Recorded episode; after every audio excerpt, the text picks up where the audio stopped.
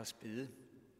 Herre Jesus, vi takker dig for din gave og dit eksempel. Tak for gaven, du gav os, da du gav dig selv hen for os. Og tak for eksemplet, som du gav os ved at vaske disciplenes fødder. Vi beder om, at dit ord må bane sig vej ind i vores hjerter og skabe tro og tillid til dig. Amen. Dette hellige evangelium skriver evangelisten Johannes.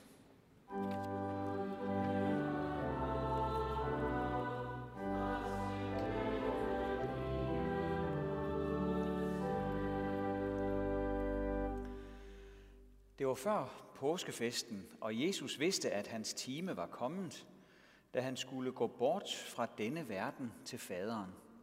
Han havde elsket sine egne, som var i verden, og han elskede dem indtil det sidste. Og mens de holdt måltid, djævlen havde allerede sat sig for, at Judas, Simon Iskariots søn, skulle forråde ham, og Jesus vidste, at faderen havde lagt alt i hans hænder, og at han var udgået fra Gud og nu gik tilbage til Gud. Så rejser Jesus sig fra bordet og lægger sin kjortel, tager et klæde og binder det om sig. Derefter hælder han vand op i et fad og giver sig til at vaske disciplenes fødder og tørre dem med klædet, som man havde bundet om sig. Han kom så til Simon Peter, og Peter sagde til ham, Herre, vasker du mine fødder? Jesus svarede ham, hvad jeg gør, fatter du ikke nu, men senere skal du forstå det. Peter sagde, Aldrig i evighed skal du vaske mine fødder. Jesus svarede, hvis jeg ikke vasker dig, har du ikke lod og del sammen med mig. Simon Peter sagde til ham, Herre, så ikke kun fødderne, men også hænderne og hovedet. Jesus sagde til ham, den, der er badet, behøver ikke at få vasket andet end fødderne, men er ren over det hele. Og I er rene, dog ikke alle. Han vidste nemlig, hvem der skulle forråde ham. Derfor sagde han, I er ikke alle rene. Da han nu havde vasket deres fødder og taget sin kjortel på igen og sat sig til bords igen, sagde han til dem, Forstår I, hvad jeg har gjort mod jer? I kalder mig mester og herre, og med rette, for det er jeg. Når nu jeg, jeres herre og mester, har vasket jeres fødder, så skylder I også at vaske hinandens fødder. Jeg har givet jer et forbillede for, at I skal gøre, ligesom jeg har gjort mod jer. Amen.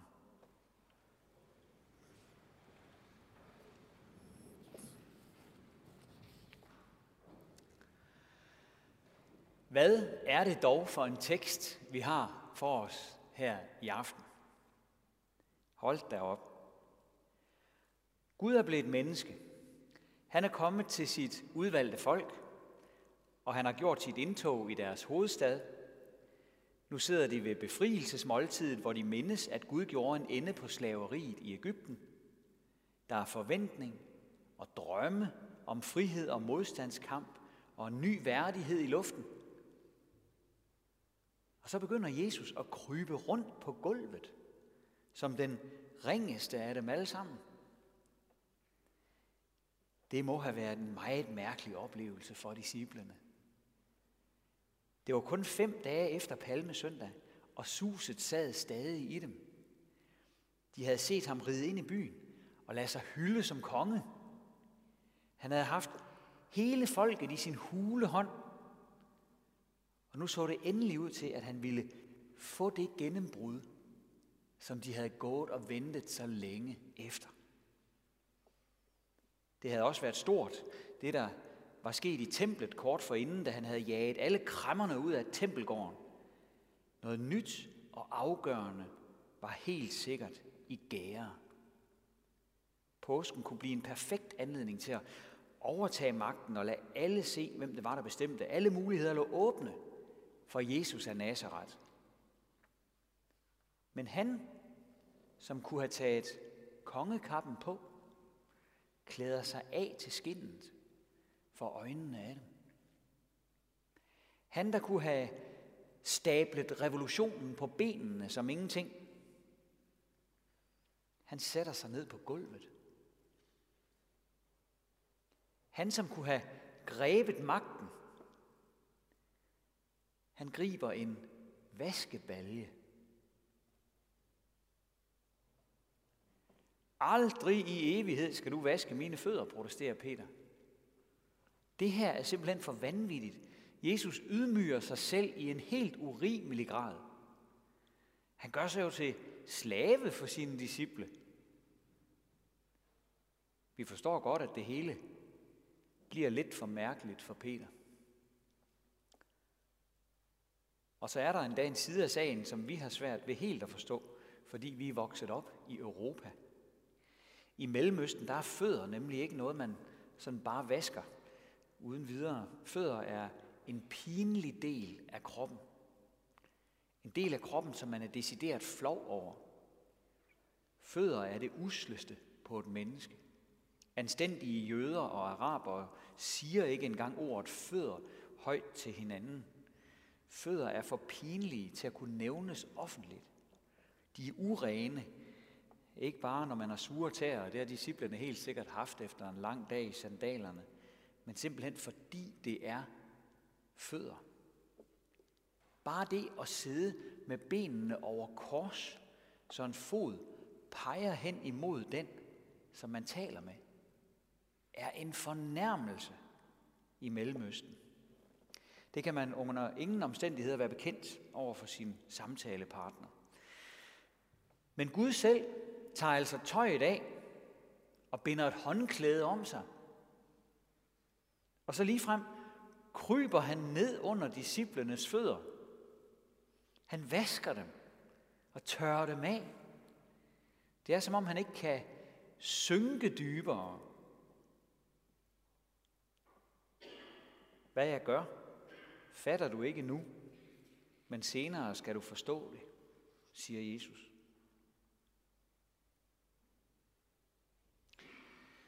Der er altid flere lag i det, når Jesus taler Guds ord til os. Sådan er det også her. Peter og vi andre skal lære noget om at ydmyge os. Om at tage den nederste plads, hvor man kunne have taget den øverste plads. Det er ikke let for nogen af os at gøre det. Men præsten og forfatteren Peter Haldorf forklarer det sådan her. Det er ikke uværdigt for et menneske at tjene. Det er tværtimod guddommeligt. Vi beklager os, når vi bliver ydmyget. Hvis bare vi forstod en smule af det, af det, som Jesus gør i aften, ville vi ikke protestere. Når vi bliver afvist og får den nederste plads, er vi nærmest Gud. Jeg hader selv at blive ydmyget. Jeg kan sagtens spille ydmyg. Så længe jeg selv kontrollerer det, så er det ingen sag. Jeg har nemt ved at være høflig, tror jeg nok. Og jeg kan også sagtens lave sjov med mine egne svage sider, så længe jeg bare selv styrer, hvad det handler om. Men virkelig ydmygelse er helt igennem ubehagelig og træls. At blive nedgjort og tabe ansigt og være udleveret. Uha, uha, uha. Og så får jeg at vide, når vi bliver afvist og får den nederste plads, er vi nærmest Gud. Hvordan skal jeg dog klare at tage sådan en ydmygelse på mig? Det skal jeg ved først at lade mig tjene af Gud. Ved at blive stille og erkende, at han har vasket mine fødder. Jesus siger jo, hvis jeg ikke vasker dig, så har du ikke lod og del sammen med mig. Og have lod og del sammen med Jesus. Der er noget dobbelt tydeligt i det udtryk. Der er noget, der sker for disciplene, noget, der sker for os. Jesus vasker os, fordi vi har brug for at blive vasket Men der er også noget i det, som sker, for at vi selv skal gøre det samme. Det, der sker for os, det handler om det, der sker de næste påskedage. Det er som, alt, som om alt, hvad Jesus gør ved det her måltid, sker torsdag aften, peger frem mod langfredag og påskemorgen. Johannes fortæller slet ikke noget om nadverens indstiftelse, ligesom de tre andre evangelister gør. Ikke fordi Johannes ikke anser det for vigtigt, han har andre stærke og direkte Jesus ord med om nadveren. Andre steder i evangeliet, kapitel 6 for eksempel, den der spiser mit lægeme og drikker mit blod osv. Men Johannes han minder bare om en anden begivenhed på nadveraftenen, nemlig det med, at Jesus indledningsvis vaskede disciplernes fødder. Allerede i den handling lå en slags forspil, en symbolsk henvisning til de næste dages begivenheder. Nu vasker jeg jer, men først efter i morgen og på søndag vil I forstå, hvad det betyder, at jeg vasker jer nu. På korset, der vil jeg vaske jer videre end sne med mit røde blod, siger Jesus. Hvis jeg ikke vasker dig, har du ikke lod og del sammen med mig. Du må lade mig vaske dig, Peter. For ellers er der ingen frelse for dig. Du klarer dig ikke med din egen velvilje, med din egen moral, med dit eget engagement i sagen. Det vil du opdage meget snart, for du vil fornægte mig med en ordentlig maveplasker. Al din selvtillid vil ryge på gulvet med et brag. Og der vil du opdage, hvor meget du har brug for at blive vasket, for at kunne have lod og del med mig. Ligesom vi andre ofte for, først forstår det til bunds, når vi rammes af en ydmygelse, som vi slet ikke har lyst til. Den ydmygelse, som vi ikke selv kontrollerer. Den ydmygelse, som er et kæmpe nederlag for os. Uanset om ydmygelsen skyldes vores egne fejl eller ej. Men der er noget i ydmygelsen, der bringer os så meget på hælene, at vi indser for alvor, hvor lidt vi selv kan, hvor lidt magt vi har, hvor afhængige vi er af Gud. Afhængige af ham, der vil vaske os, det vil sige ydmyge sig til døden for os, for at give os lod og del med ham. Lod og del med ham. Der er også noget skæbnefællesskab i det udtryk. Noget, som vi skal gøre, ligesom Jesus gjorde.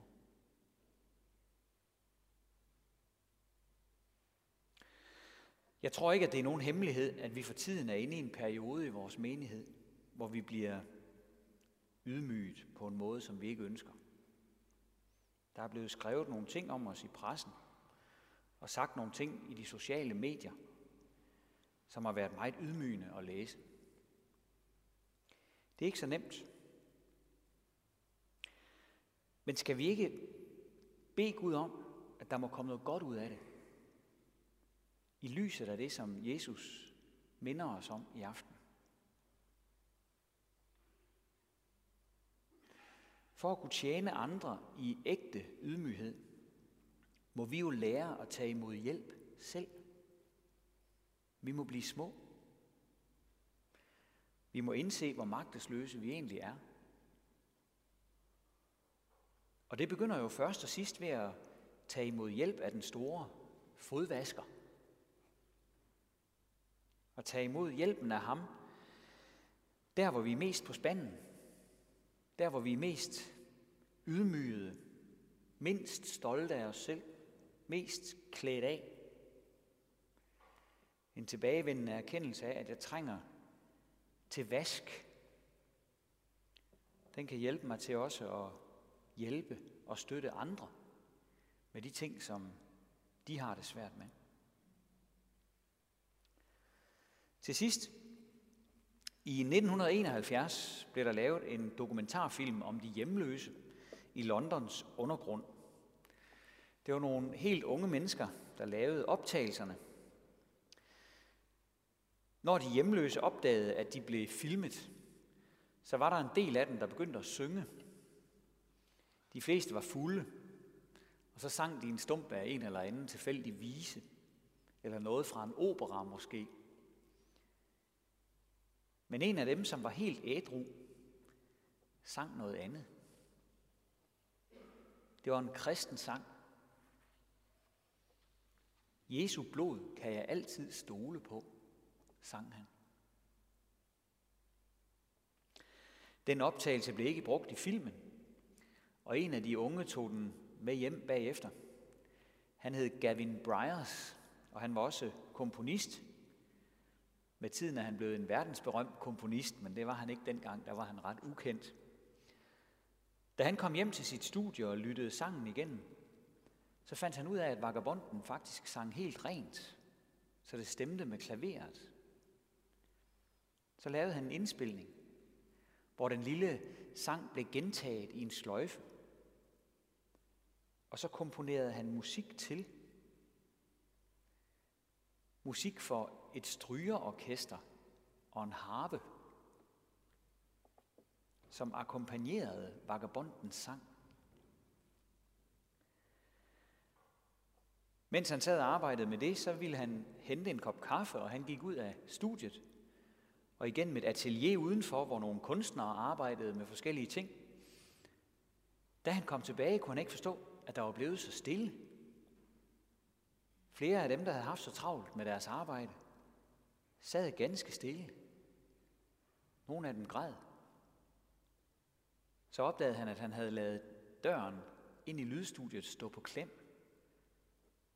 Derinde spillede musikken stadigvæk, så de kunne høre sangen udenfor. Det var som om vagabondens sang greb mennesker om hjertet, så der var noget, de hørte, sådan rigtig hørte. Måske for allerførste gang. Nemlig at vi altid kan stole på Jesu blod. Og at det er sådan, fordi han elsker dig og mig. Med sin sang vidnede denne her hjemløse mand om håb. Midt i en håbløs situation. Han vidner om værdighed. Midt i et fuldstændig uværdigt liv. Han vidnede om, at Jesus vil ydmyge sig og tjene os, hvor ringe vi end er. Og det er evangeliet til os i aften. Og nu skal vi høre hans sang. Jesus blood never found me yet, never found me yet. Jesus' blood never found me yet. This one thing I know, for he loved me so. Jesus' blood never found me yet never found me yet. Jesus' blood never found me yet. This one thing I know, for he loved me so. Jesus' blood never found me yet, never found me yet Jesus' blood never found me yet.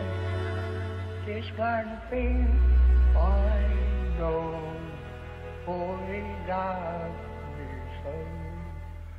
Jesus' blood never found me yet, never found me yet. Jesus' blood never found This one thing I know, he loved me so. Jesus' blood never found me yet, never found me yet. Jesus' blood never found me yet. This one thing I know, loved me so. Jesus' blood never found me yet, never found me yet. Jesus' blood never found me yet. This one thing I know,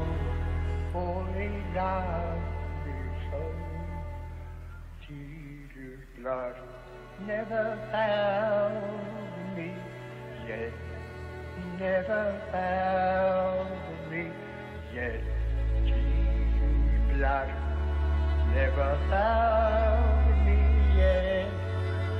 This one thing I know, for he loved me so.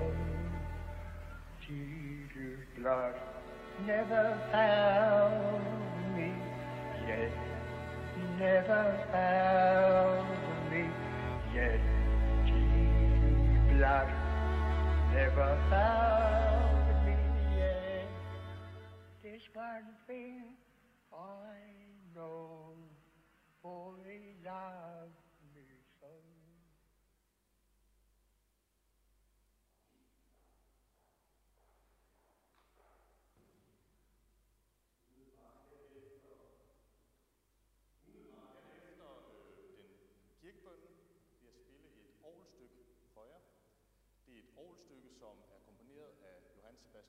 Bach.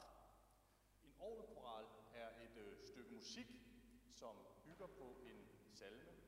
I det her tilfælde, O Lam Gottes um unschuldig, som på dansk hedder øh, O Guds lam uskyldig. Teksten lyder sådan her. O Guds lam uskyldig, for os på korset slagtet. Din fader var du lydig, i hvor du var foragtet. Al synd har du borttaget, vi ellers var fortabte. Forbarme dig over os, o Jesus. Nu tror jeg, der er lyd på mikrofonen. Øhm, stykket her, eller orgelkorallen her, stammer fra en samling, som det hedder Orgelbüchlein. Orgelbüchlein, det betyder lille orgelbog. Og Bachs ønske med den her lille orgelbog var at komponere et stykke musik til alle søndage og helligdage i kirkeåret. Og øh, denne her er selvfølgelig øh, meget relevant for påsken. Det, som Bach gør i de her små orgelkoraller, det er, at han som oftest tager et lille motiv og bruger det igennem hele værket. I det her værk, så har vi et meget kendt musik- øh, eller kompositorisk virkemiddel, det som det hedder Seufzer-figuren, sukkefiguren. Man kan virkelig høre det i musikken. Det siger sådan her. Didam, badam, badam. Og det udtrykker jo selvfølgelig en eller anden form for sorg eller håbløshed. Ind herimellem spiller øh, øh, Bach så, eller har han komponeret en kanon ind over denne her Olam Gottes Unschuldig. Det særlige ved det her er jo selvfølgelig, at øh, den her kanon, den ligger i midten, den ligger altså sådan rent tonemæssigt inden for de to andre, og symboliserer på den her måde øh, Jesus. Og øhm, udover det, så er der også et andet lille motiv, som han bruger. Et andet opadgående, der siger da da dam, ba da dam, som er sådan et glædesmotiv. Så vi har, for at vende tilbage, for lige at slå en sløjfe på det, Michael sagde, altså bogstaveligt talt håb midt i en håbløs situation.